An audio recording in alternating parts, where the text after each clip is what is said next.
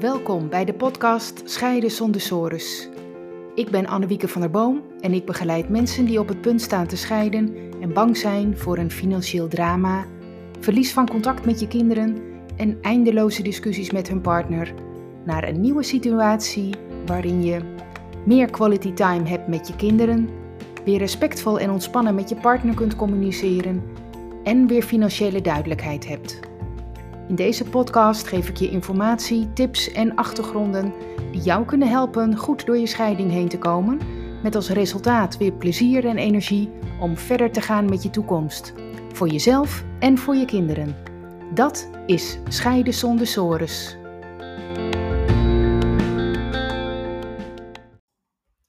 Leuk dat je weer luistert.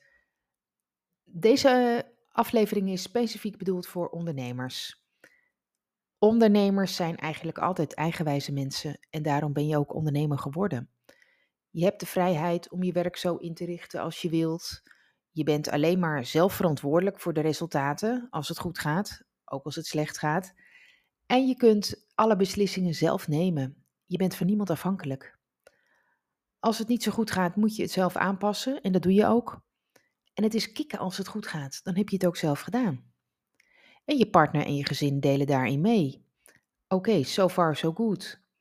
Maar als je dan toch op een gegeven moment uit elkaar gaat, als je daar zelf voor kiest om de relatie te beëindigen, of als je partner dat doet, dan roept dat veel vragen op.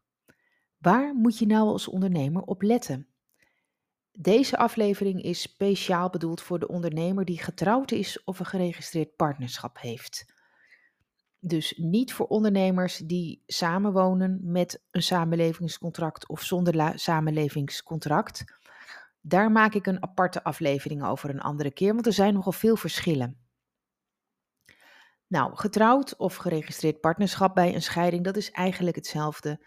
En daarom noem ik deze beide groepen hier nu gewoon getrouwd, maar dat geldt dus voor beide groepen. Ik ga in op drie struikelblokken. De eerste is huwelijkse voorwaarden. Veel ondernemers hebben huwelijkse voorwaarden. Daarvoor ben je dan vlak voor je huwelijk samen met je partner bij de notaris geweest om die huwelijkse voorwaarden te laten vastleggen. Die heb je waarschijnlijk afgesloten omdat je toen je ging trouwen al ondernemer was. En een reden kan dan zijn dat je je partner er niet in wilde betrekken als het bedrijf niet goed meer zou gaan lopen of als er schulden zouden komen. Dus voor het geval het slecht zou gaan met je, met je bedrijf. En dan wil je niet dat je partner en zijn of haar vermogen daarbij betrokken wordt. Ook kan het voorkomen dat iemand uit je familie of bijvoorbeeld je boekhouder heeft geadviseerd om huwelijkse voorwaarden af te sluiten. Ehm, bijvoorbeeld vanwege ondernemerschap. Maar dat kan ook zijn dat jij veel vermogender bent dan je partner of andersom. En je niet wilt dat dat vermogen automatisch gezamenlijk wordt. En het is trouwens ook nog mogelijk dat je niet gelijk bij de start van je huwelijk, maar pas jaren later alsnog huwelijkse voorwaarden hebt afgesloten. Dat kan ook. Bijvoorbeeld omdat je eerst geen ondernemer was en daarna wel. Vaak weet je wel dat je huwelijkse voorwaarden hebt of dat je ze niet hebt, maar wat erin staat is dan nog de vraag. En ook daarna de vraag: wat zijn de consequenties bij je scheiding? Je hebt dus heel goed advies nodig over de vraag: wat staat er nou precies in mijn huwelijkse voorwaarden en wat zijn de consequenties als ik ga scheiden? En je partner heeft diezelfde informatie natuurlijk ook nodig. Dit is vaak al een eerste hobbel. Het komt namelijk heel vaak voor dat beide van tevoren een ander idee hebben van de huwelijkse voorwaarden. Als ik mensen vraag die bij mij komen uh, omdat ze willen scheiden, uh, wat denk je dat er bij jullie in staat in de huwelijkse voorwaarden? Dan krijg ik vaak verschillende antwoorden van de partners. En ook heel vaak, ik weet het eigenlijk niet. En dat is niet vreemd. Je hebt die voorwaarden jaren geleden afgesloten en daarna ligt het gewoon in de kast. Je hebt het er nooit meer over en je staat er niet bij stil, tot het moment dat er een scheiding aankomt. Dus de eerste stap is dat beide partners heel goed weten wat erin staat en wat het betekent. En dat kan soms best confronterend zijn. Als je merkt bijvoorbeeld dat je een verschillend idee had allebei over de huwelijkse voorwaarden. Of als blijkt dat er vermogensonderdelen zijn die juridisch helemaal van de een blijken te zijn, terwijl de ander dacht dat hij of zij recht op de helft had. Oké, ik ga naar het tweede struikelblok. Vage onderdelen. Ja, ehm, wat is dat? Lekker vaag. Soms zijn er toch nog onduidelijkheden. Want je kunt, eh, ik, ik noem even wat voorbeelden. Bijvoorbeeld als je in je huwelijkse voorwaarden een verrekenbeding hebt staan dat in de praktijk niet is uh, uitgevoerd. En dan klinkt het heel makkelijk, oh juridisch natuurlijk is dan gewoon alles van jullie samen. Ja, dat is niet zo. Dat is echt een misverstand. Dat is veel te kort door de bocht. Want het gaat alleen om overgespaard inkomen. Ja, dat zijn even wat juridische termen, maar oké. Uh, wat is dat dan? Ja, en dan is het ineens niet meer zo duidelijk. Of er zijn aflossingen gedaan van de hypotheek voor jullie gezamenlijke huis met geld dat uit de onderneming kwam. Maar hoe zijn die geldstromen dan precies gelopen?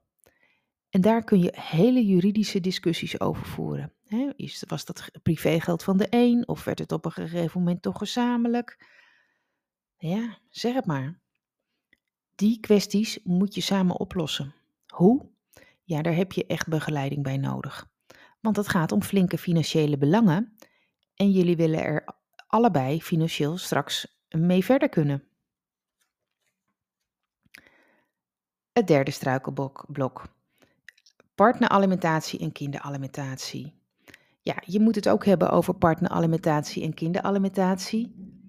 Kinderalimentatie is iets uh, meestal wat je wel wilt betalen, want dat is gewoon nodig voor je kinderen. Daar is meestal niet zo'n discussie over, dat is meestal niet zo'n struikelblok. Partneralimentatie is veel lastiger. En daar zit ook een principiële kant aan. Daar begin ik even mee. Um, misschien vind je bijvoorbeeld dat je partner maar meer moet gaan werken. Of dat hij of zij ook maar gewoon een bedrijf moet starten. Dat heb je toch ook zelf, heb je zelf toch ook gedaan? Ja, kan die ander ook doen? Kan hij daar eh, zijn of haar geld mee verdienen? Of je wilt misschien best een bijdrage betalen, maar niet zoveel als je partner denkt nodig te hebben. En um, ja, over partneralimentatie in het algemeen heb ik ook nog wel andere afleveringen gemaakt. Um, daar ga ik nu niet op in, want ik wil het even uh, specifiek houden voor ondernemers. Maar als je daar dus meer over wil weten, uh, scroll even door mijn afleveringenlijst en uh, dan zie je het woord partneralimentatie wel een paar keer tegenkomen. En dan kun je daar nog even naar luisteren. Um, ja, even terug naar de ondernemers. Wat specifiek voor ondernemers lastig is, is de hoogte van je inkomen. En ja, dat is wel nodig om een alimentatieberekening te kunnen maken. Uh, ja, en waarom is een inkomen lastig? Omdat je inkomen natuurlijk ieder jaar wisselt. En nou, dan wordt juridisch vaak wel uh, een gemiddelde genomen van de afgelopen drie jaar. nou goed, maar ja, is dat reëel? Daar kun je natuurlijk wel uh, discussies over voeren. degene die de partneralimentatie ontvangt, die vindt het waarschijnlijk te laag. Want er zat een coronajaar in, in die serie van drie. Of het was, zat toevallig een slecht jaar in. En inmiddels gaat het veel beter met de winst. En de ander, dus degene die moet betalen, die zal zeggen: Nou, kijk, deze hoge winst van de afgelopen jaren, die is niet structureel. Dat was gewoon een uitschieter. En ook de discussie over de vraag of je naast je loon als DGA nog geld uit de onderneming had kunnen halen. Heb je misschien je inkomen bewust een beetje laag gehouden? Heb je de winst een beetje opgepot om het inkomen laag te houden? Heb je misschien uh, reserves aangelegd die eigenlijk overbodig zijn, wat eigenlijk inkomen zou moeten zijn? Ja, en daar kun je ook stevige juridische discussies over voeren. Als je allebei een eigen advocaat hebt, kun je daar jarenlang mee bezig zijn. Heel gemakkelijk. Ja, en discussies en discussies en discussies.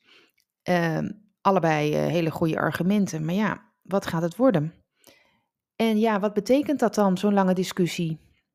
Wat betekent dat voor je energie, voor je gezondheid, voor het contact dat je als ouders moet hebben over je kinderen? Hoeveel spanning gaat dat geven voor jezelf, voor je partner en voor je kinderen? En wat als dat jarenlang duurt? Ja, dus ook bij dit onderwerp heb je echt allebei begeleiding nodig om dit in goede banen te leiden en op te lossen.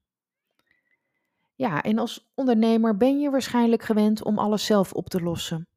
Maar je weet ook dat je de keuze kunt maken om begeleiding in te huren als je weet dat je het niet zelf kunt. Want je weet, zo'n investering is de moeite waard. Mensen die dat zien weten dat mediation altijd de moeite waard is, want dat is ook gewoon een investering.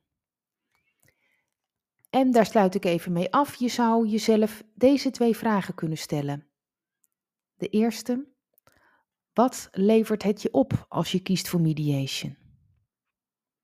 En de tweede, en wat gebeurt er als je het niet doet? Hier sluit ik mee af. Ik hoop dat je als ondernemer hiermee uh, een klein beetje inzichten hebt gekregen. Tot de volgende aflevering.